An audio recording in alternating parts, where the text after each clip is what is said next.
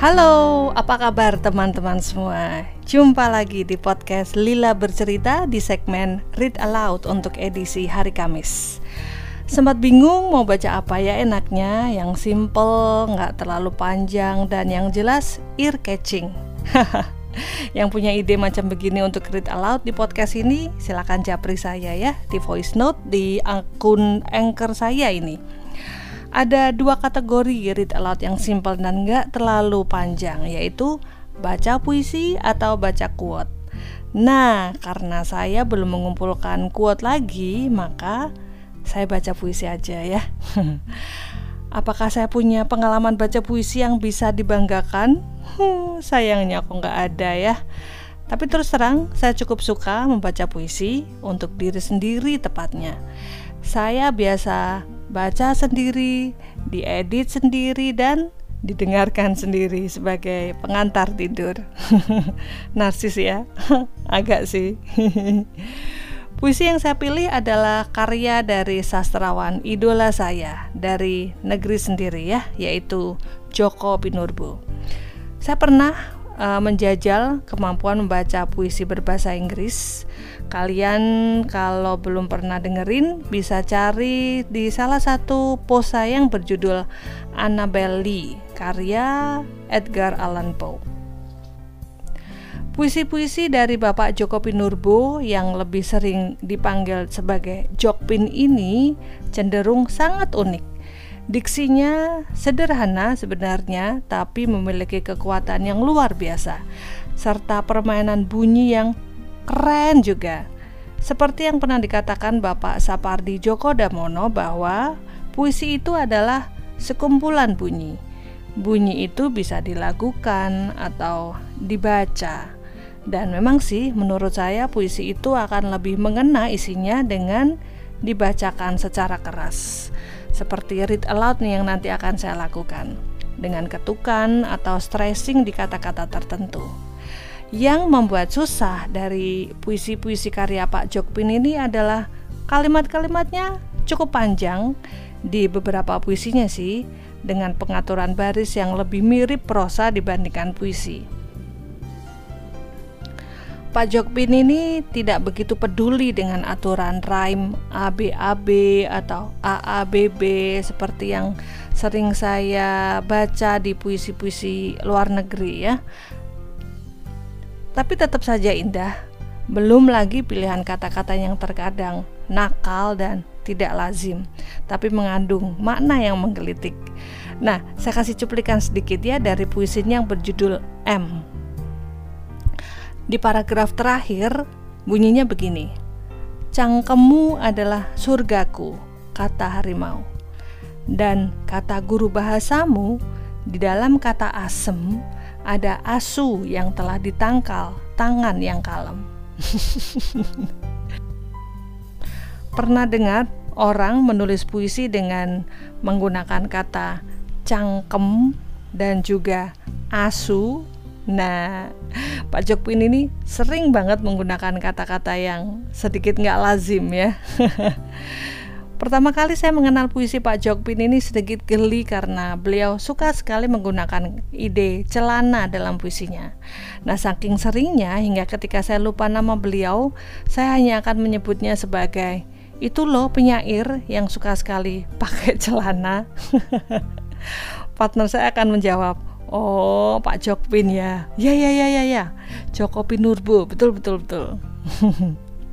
Dan semakin banyak saya membaca puisi-puisinya, saya semakin suka, cenderung gemes dengan puisi-puisinya. Bagaimana mungkin seorang penyair menulis puisi dengan ide kaleng kongguan biskuit dalam puisinya? Tapi di luar itu, sedikit susah membacakan puisi-puisi Pak Jokpin atau mungkin jauh lebih mudah ya. Karena saya melihat beberapa tayangan pembacaan puisinya para pembacanya atau bahkan beliau sendiri membaca puisinya sangat santai. Seperti membaca cerita gitu atau dongeng malah. Tak ada aksi teatrikal seperti yang saya sering lihat dalam puisinya Hairil Anwar, Taufik Ismail, bahkan Bapak Sapardi Djoko Damono. Para pembaca puisi-puisi mereka ini banyak yang tampil dengan sangat teatrikal, sesuatu yang hmm, saya nggak miliki. saya nggak bisa tampil dengan teatrikal atau mungkin saya yang terlalu malu untuk tampil terlalu berapi-api. Oke, okay, mungkin uh, dua alasan itu ya. Saya memang nggak bisa tampil teatrikal dan saya memang terlalu malu untuk terlalu berapi-api.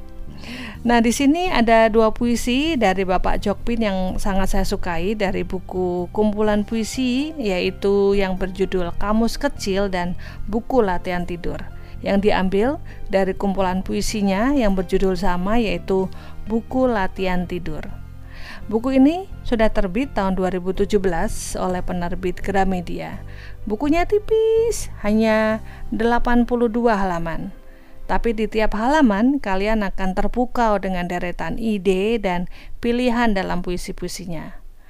Oke, ini dia buku latihan tidur dan kamus kecil karya Joko Pinurbo.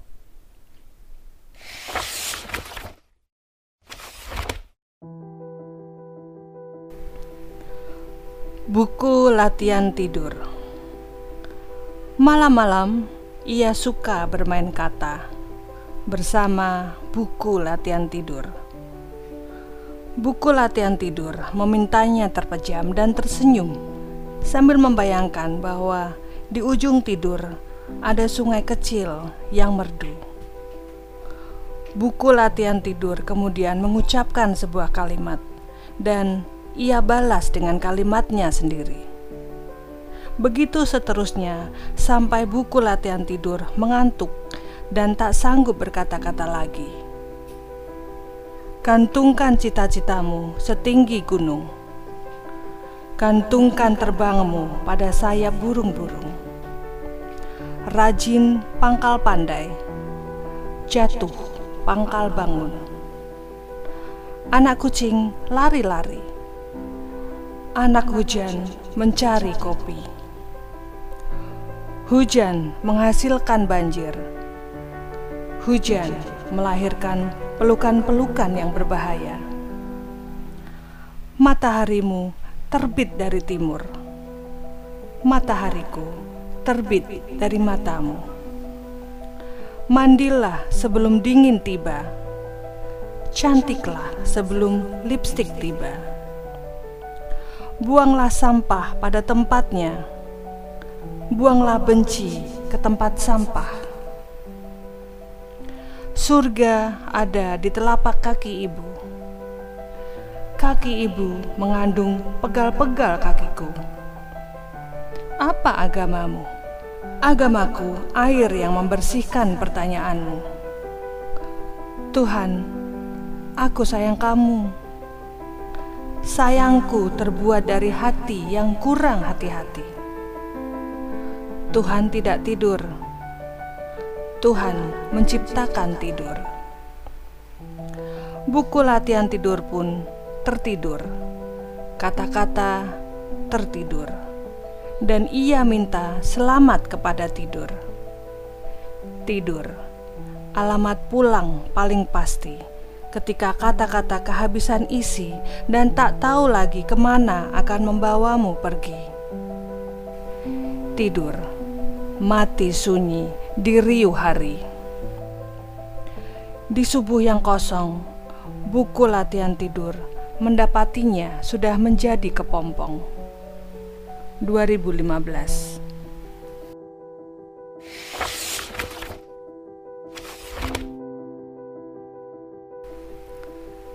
Kamus kecil Saya dibesarkan oleh bahasa Indonesia yang pintar dan lucu walau kadang rumit dan membingungkan.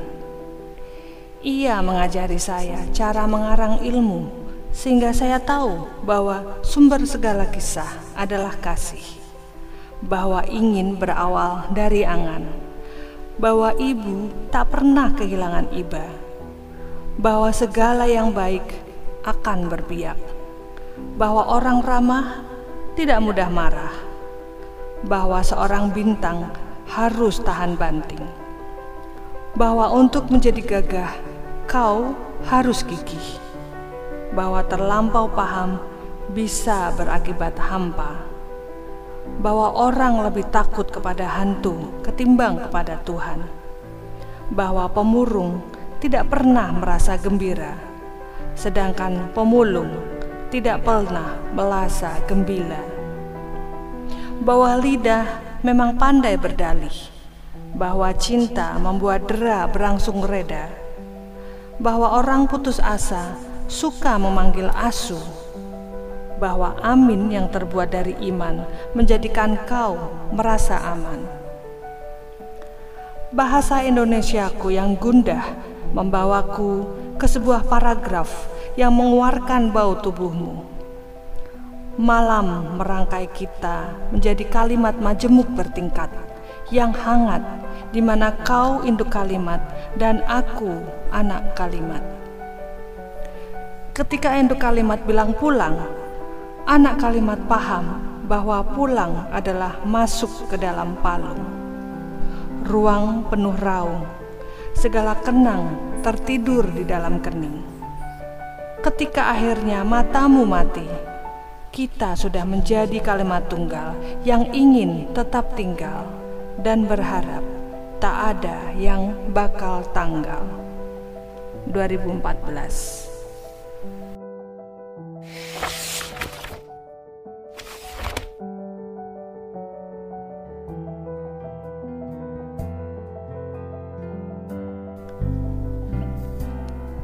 Nah, bagaimana? Keren banget ya. Di puisi yang berjudul Buku Latihan Tidur, ini mirip dengan yang saya lakukan tiap kali sendirian di kamar atau di mana saja selama saya sendirian, yaitu ngomong sendiri dan dijawab sendiri. Bedanya di puisi Pak Jokpin ini idenya sangat random yang saya yakin banyak orang yang tersentil. Sedang percakapan yang saya lakukan dengan diri sendiri lebih sering ke halu dengan idola saya. Duh ketahuan ya, sering halu. Sedangkan pada puisi kamus kecil, terlihat sekali jika Pak Jokpin ini sangat piawai bermain dengan kata-kata yang menimbulkan bunyi yang berbeda tapi mengalun dengan unik dengan perbedaan posisi huruf vokal atau konsonan di tiap barisnya seperti ruang, raung, Tuhan, hantu, gagah, gigih, ramah, marah, paham, hampa, amin, iman, dan masih banyak lagi. Setiap kali saya kembali membaca puisi ini, saya masih selalu takjub dengan permainan kata-kata tersebut. Nah, yang belum pernah kenal nama Joko Pinurbo, semoga Read Aloud kali ini membuat kalian mengenal satu lagi sosok sastrawan Indonesia yang sangat produktif dengan karya-karyanya. Terima kasih sudah mendengarkan. Jangan lupa dengarkan terus podcast Lila Bercerita setiap Senin dan Kamis. Jangan lupa bahagia ya. See you when I see you.